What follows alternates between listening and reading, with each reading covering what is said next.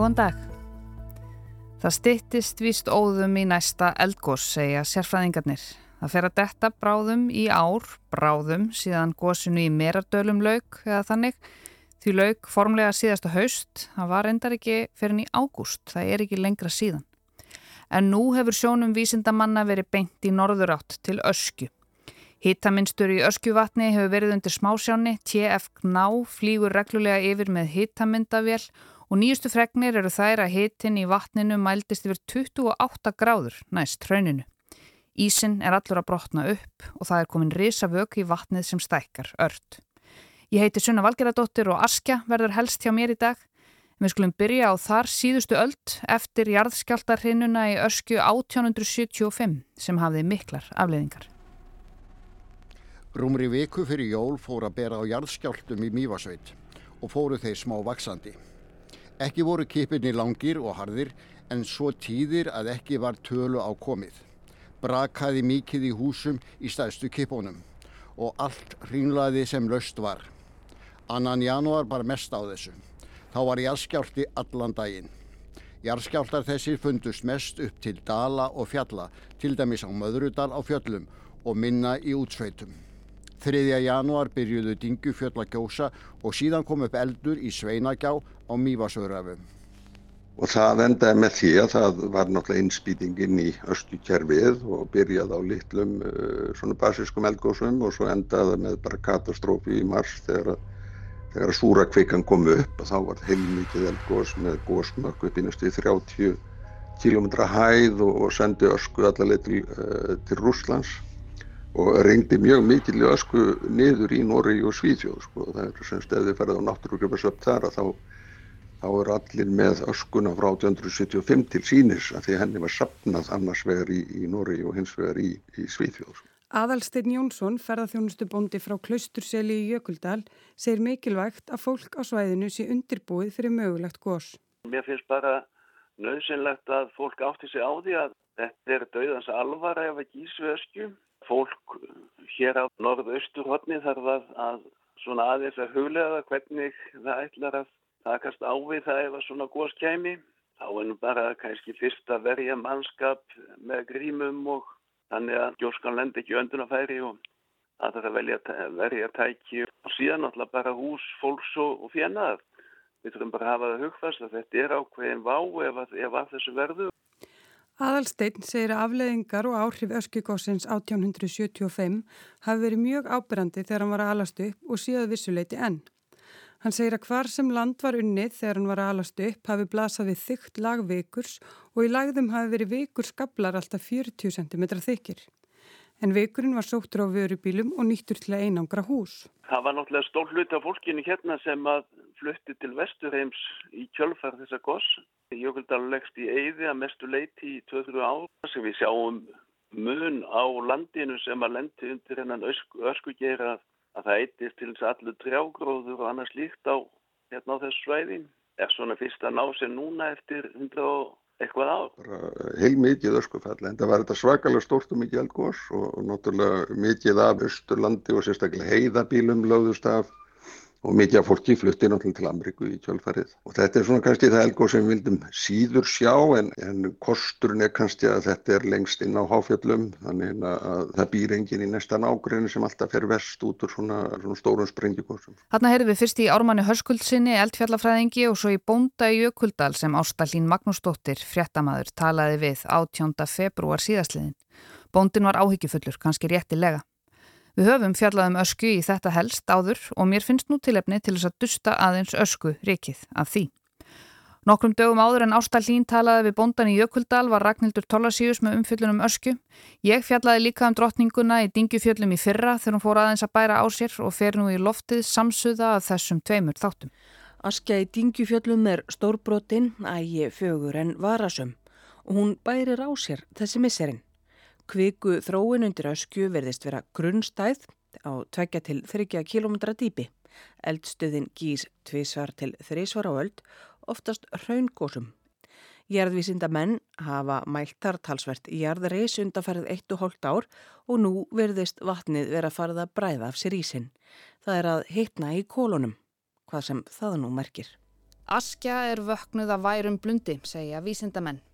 Hún náði þá ekki alveg 100 árum þyrnirósarinnar en nokkuð nálagti en það eru 60 ár frá síðasta gósi í öskju. En það eru næstum því 150 ár síðan hún var með svakaleg læti. Land hefur risið um 35 cm við öskju á síðasta ári sem er alveg slatti og vísindamenn segja að þessi þróun bendi til þess að kvika sé að sapnast saman undir henni. Veðurstofa Ísland segir ris hraðan vera óvenju mikinn með að við sambærilega eldfjöld í heiminum. Ef það gís er búist við að aðdragandin verði skýr með aukinni skjáltavirkni. En fyrirvarin gæti verið stuttur, jafnvel aðeins nokkrar klukkustundir. Ég kíkti aðeins ofan í ösku í þetta helst í dag.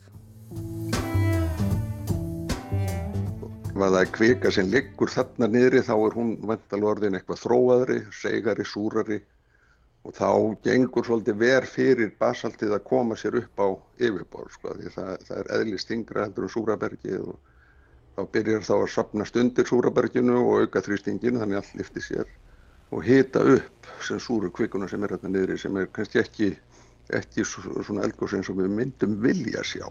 Um 30 km norður af Dingjujökli í Vatnajökli er megin eldstöðin Dingjufjöll sem rýs hæst í rúmlega 1500 metra hæði við sjávarmál eða 600 til 700 metra yfir hraun og sanda umhverfis.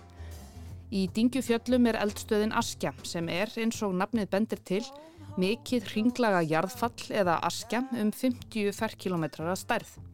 Í raun má segja að Askja sé samsett úr þremur misgömlum sigköllum Botn hennar er þakkinn úpnum hraunum og vikri sem hefur myndast í mörgum gósum innan og utan svæðisins. Svo segir á jarðfræðivefnum.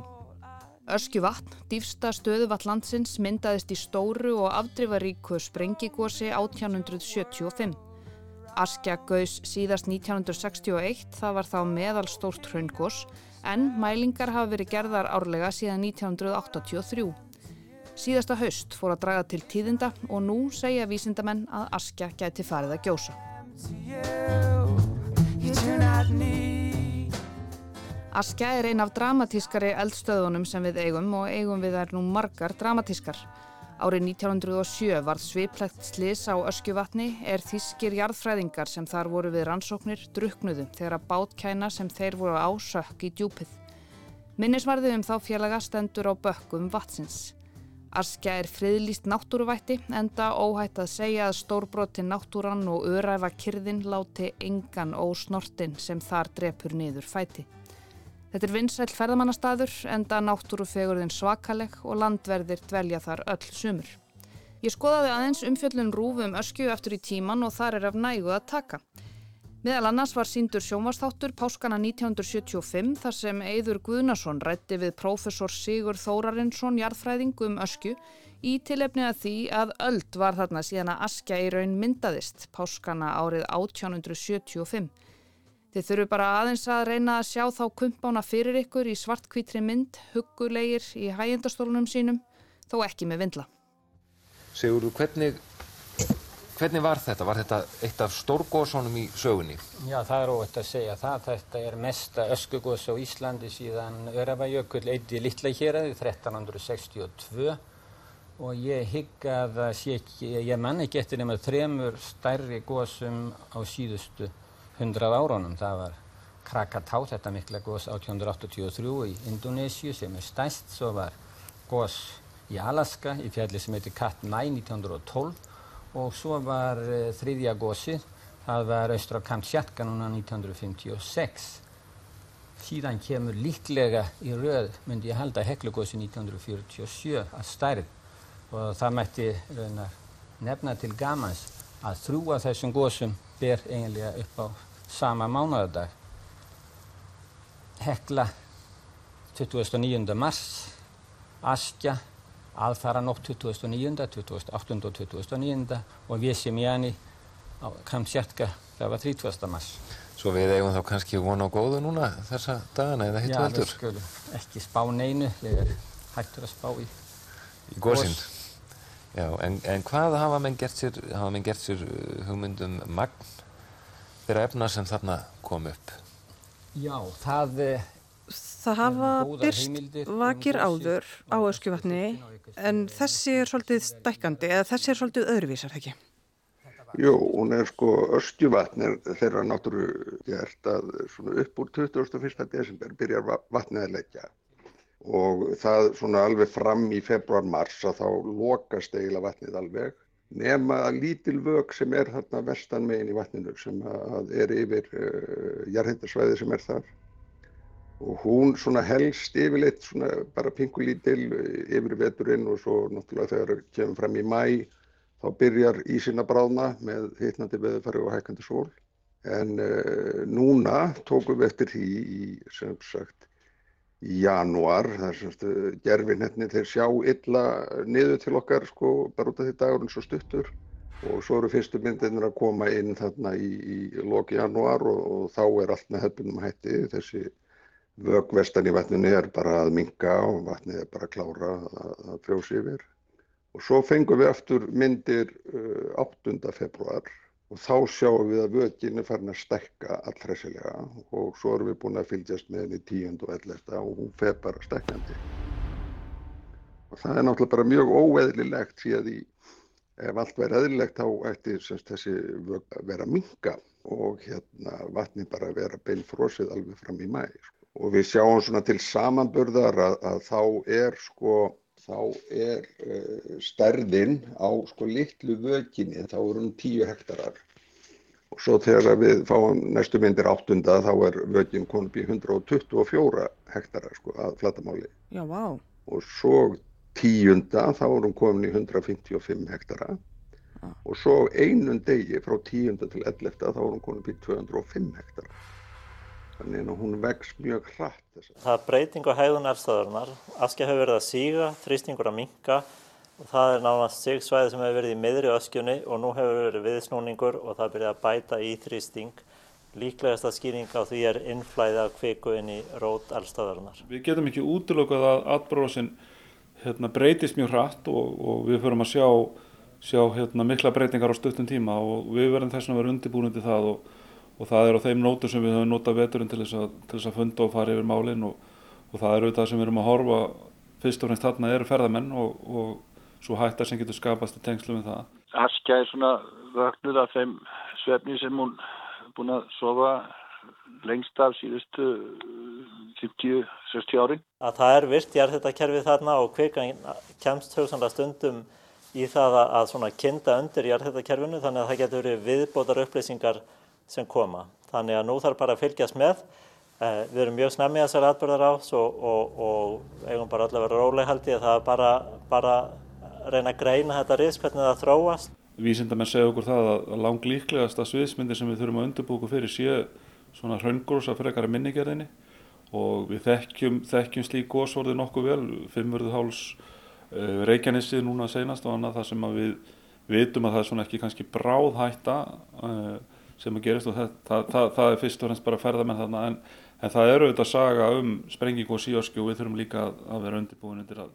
Askja þarf að taka við töluverðu áður en að það er komið eh, áður en fyrir að bresta og, og, og, það kemur elgós sem að, þetta gæti enda þannig. Þetta gerir sjaldan en það er kannski svona uh, meiri hluti svona atbyrða endar bara með því að kvika storknar neðanjarðar. Þetta er klárlega merkið um um það að þarna sé kveika að sapnast fyrir og, og við vitum það bara að, að slíkt getur auðvitað enda með gósi. Og það má kannski líka þessu við það vegna þess að þú hætti að vera landsig undan þarna áratöki að, að tankurinn sé svona hálf tómur. Það þarf bara tölverst að fara að koma inn á hann áður en að við kemum segja að brotmörgum sé náð.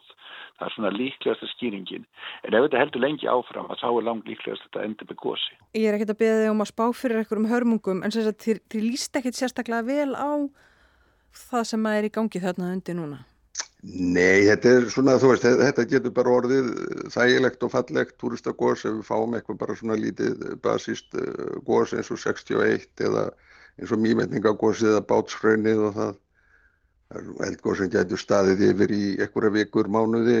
Það er svona verra ef að rétt reynist þessar niðurstöður þeirra í Cambridge að það sé kvika þegar undir og það þýðir alltaf að Þá er hún búin að koma sér fyrir, fyrir svolítið síðan og þá nær hún að súrna, þá verður hún aðeins svona leiðilegri. og sprengi virkari og það þýðir að getur komið mikið af svona fín ríki sem leggur yfir landinu í svona tíma. Þarna heyrðum við í jarvísindamönnunum Magnúsi Tuma Guðmundsinni, Freysteini Sigmundsinni og Ármanni Hörskuldsinni um ösku. Og svo heyrðum við líka í víðu okkar reynisinni yfir manni Almannavarnadelda Ríkislauruglustjóra. Ég heiti Sunna Valgeradóttir og Askja var á dagskráni í þetta helst í dag. Takk fyrir að leggja við hlustir.